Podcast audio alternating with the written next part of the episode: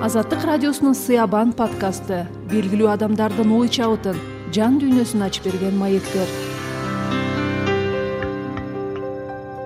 Урматтуу угарман бүгүн биз сыябан подкастында акын жана журналист динара бейшеналиева менен поэзия тууралуу маектешебиз. Маекти мен санжи туйтунова алып барам.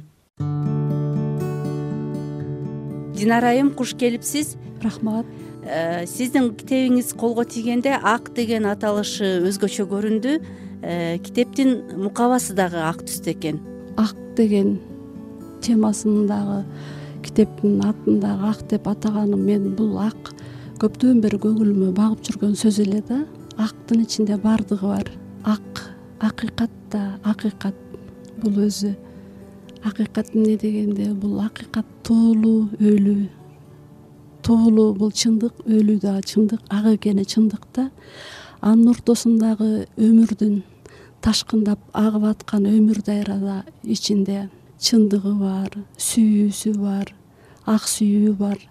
Урматтоо акыйкат чындык ошонун баардыгы ичине камтылган да. Бул туулгандан өлгөнгө чейинки жолдогу адам көкүрөккө багып жүрө турган адамдын өзөгү ак болуш керек деп ойлоп көп нерсени камтыйт эми кыскартып айтканда ушундай да ошон үчүн мага жагып мен ак деп атагам. Жазып атканда атайын өзгөчө кылайын дебейт экен киши эми акын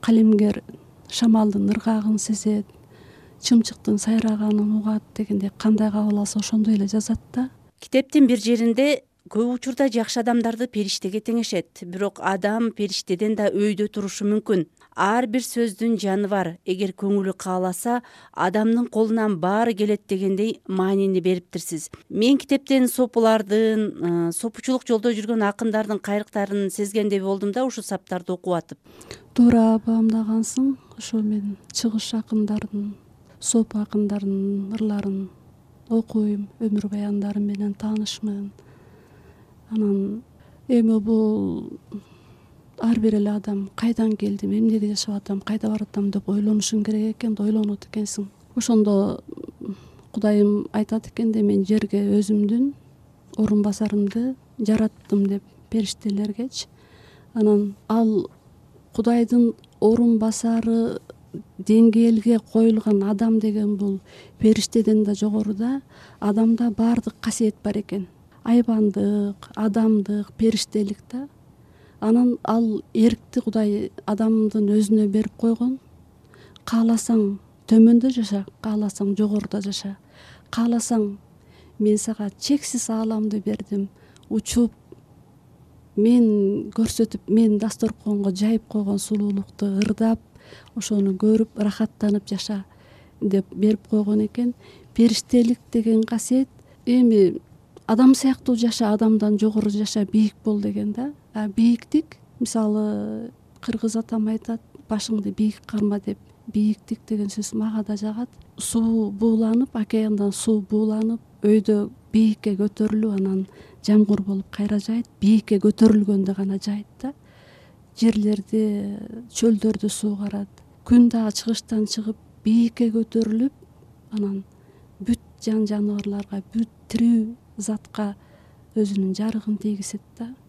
Бул адам ошол кудуретке жете ала турган күчү болот кантип андай күчкө ээ болот десе баягы эле тазалык жол менен басыш керек экен да.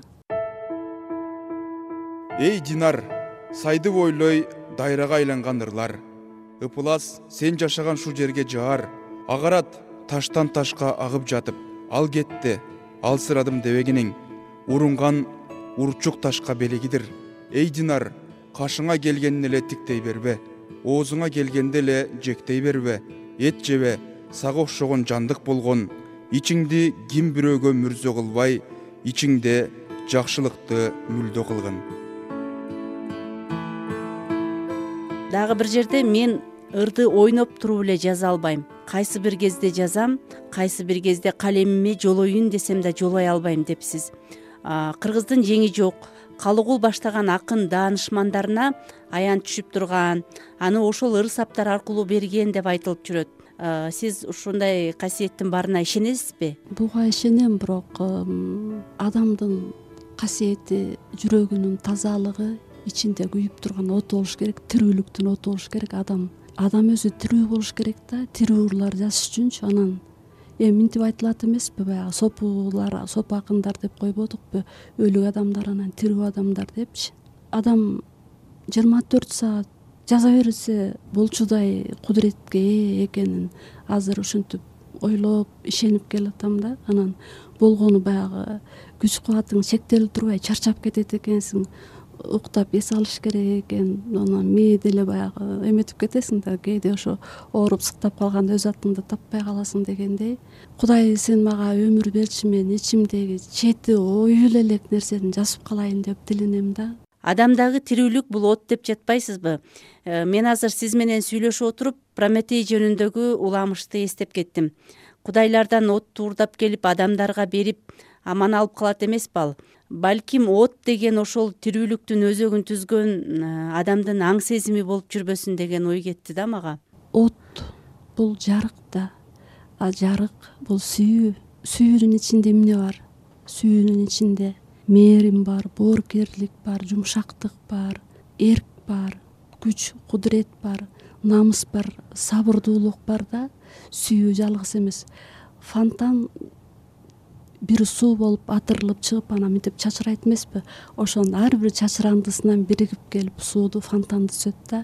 А сүйүү кайдан келди десе сүйүү албетте кудайдан келген. Сүйүүсүз жашоо бул жашоо эмес бекер өткөндүк. Өзү айтылат эмеспи бул дүйнө сүйүүнүн үстүнө курулган депчи? Анан ошондо баардык нерсе бар да ошо жана сен экөөбүз сөз кылган от дагы бар кээ бир ырларыңызда дин темасы козголуптур э, кудайдын жерди сууну жаратканын периштени жумшап адамга жан салганын адегенде кара сөз менен жазып аягында ыр кылып бүтүргөн турбайсызбы? Сиз муну эмне себептен жазып калдыңыз? Ким э, жана эмне түрткү болду дегендей? Ошо алгачкы поэма деген ырды ыр түрмөгүн айтып атсаң керек. Ал аты айтып тургандай эле алгачкы поэма дегендей эле баягы жердин жаралышы анан адам кантип келген анан адам бейиштен кантип куулган жерге түшкөндөгүсү анан акыры барып адамдын баскан жеринен адамдын түшкөн жеринде ага чейин жер ушунчалык гүлдөп өсүп өнүгүп турган эми э, ошол жерде кастык башталды өлүм башталды. Бейиште өлүм жок эле. Адам жерге түшкөн өлүм башталды. Бири бирине буттосуу жаман саноо карасантайлыктын баары башталды. Эми ошол сынактан өзүң кайра жанагы түшкөн жериңе көтөрүлүш үчүн ошол сынактан тырмалаңдап жүрүп өт деген нерсени жазайын дегем. Китепте ырлардан мурда кара сөз түрүндө түшүндүрмө жазып анан ыр кылып бериптирсиз. Бул идеяны кайдан алдыңыз?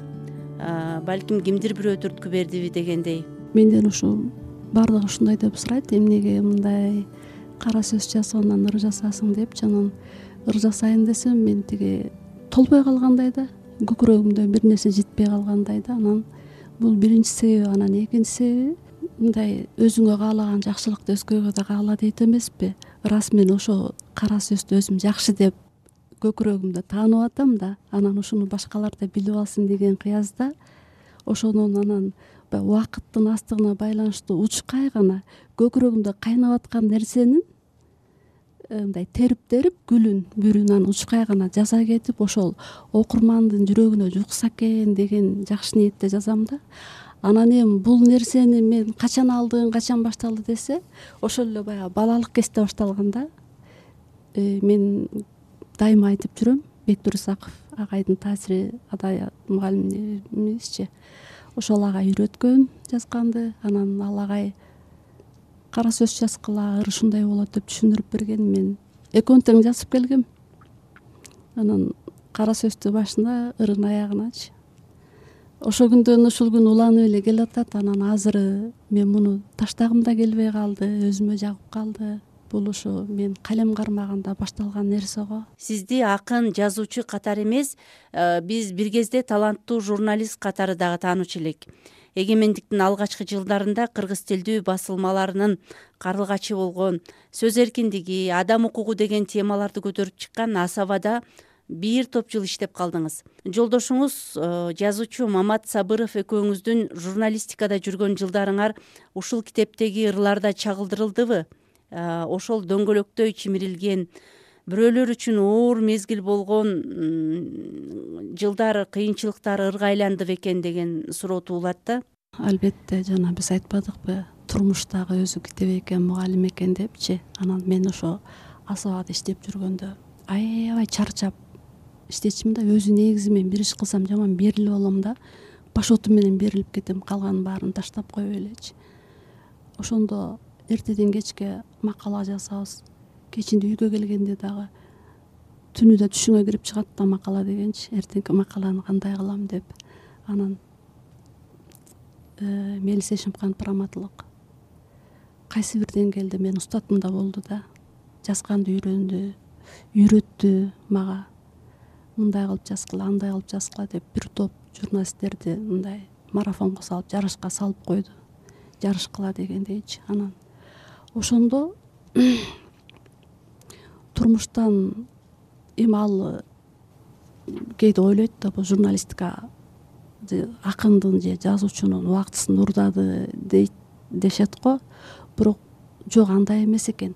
Ошол жакшы менен сүйлөшөсүң жаман менен сүйлөшөсүң жашаасың күндөп түндөпчү ошол көкүрөктө жашап калып сенин кийинки жаза турган ырыңа пайдубал э, бир үрөөн болуп берет экен да. Балким эми ырдын терезесин миңдеген миллиондогон эшиктери терезелери бар да. Ыр өзүнчө бир аалам болсочу ошонун көп терезелери балким ошол асаба кезинде иштеп жүргөндө ачылды деп айта алам да. Аял акындар э, кыз кездин өзүнүн ырлары болот. Келин болгондо өзүнчө ырлар чыгат эне болгондо дагы өзүнчө ырлар жаралат дешет. Э, сиз азыр небереде көрүп калдыңыз? Чыгармачылыкка жаш курактын таасири болобу чын эле ооба жакшы суроо болду. Балалык кездин өзүнүн ыры болот экен. Ыр өсүп отурат деп коет эмеспи өсүп отурбай эле ыр ошол өзүнүн өмүрүн жашайт экен балалык балалык кездикин мисалы мен азыр азыр ошо балалык кезимдегидей дүйнөнү кабыл ала албайм да ошол эле мисалы тоодон күн чыгып келатканын көрсөм азыр башка көз менен жазсам ал кездин бир өзүнүн сулуулугу менен жазылып калды да кагазгачы анан ар бир мезгил өзү сулуу экен ошо жаштык кезим келин кез дегендей азыр эми тиги неберем бабушка деп коет. Анан чоң эне болуу да өзүнчө бакыт экен. Өзүм баккам чоң неберемди бул дагы бир кудайдын ушул күндөргө жеткизгенине шүгүр да. Анан ал эми жүрөктүн дүйнөнү кабылдоосу балалык кезде кийин жаштык кезде кандай кабыл алсам ошондой эле кабыл алат. Балким күндүн чыгып келаткан күндүн бир кезде миңдеген нурун көрө алсам азыр балким ошонун он миң нурун көрүп калдым дегендейчи бир аз өзүү болду бир аз башка өңүттөн карап калдым. Бирок айтайын деген ырларым дагы деле ошондогудай го. Динара айым биздин студияга келип бергениңиз үчүн чоң рахмат. Силерге дагы ишиңерге ийгилик чакырганың рахмат. Төбөм көккө жетип калды. Рахмат сиздерге э, сизге дагы чыгармачылык албан албан ийгиликтерди каалайбыз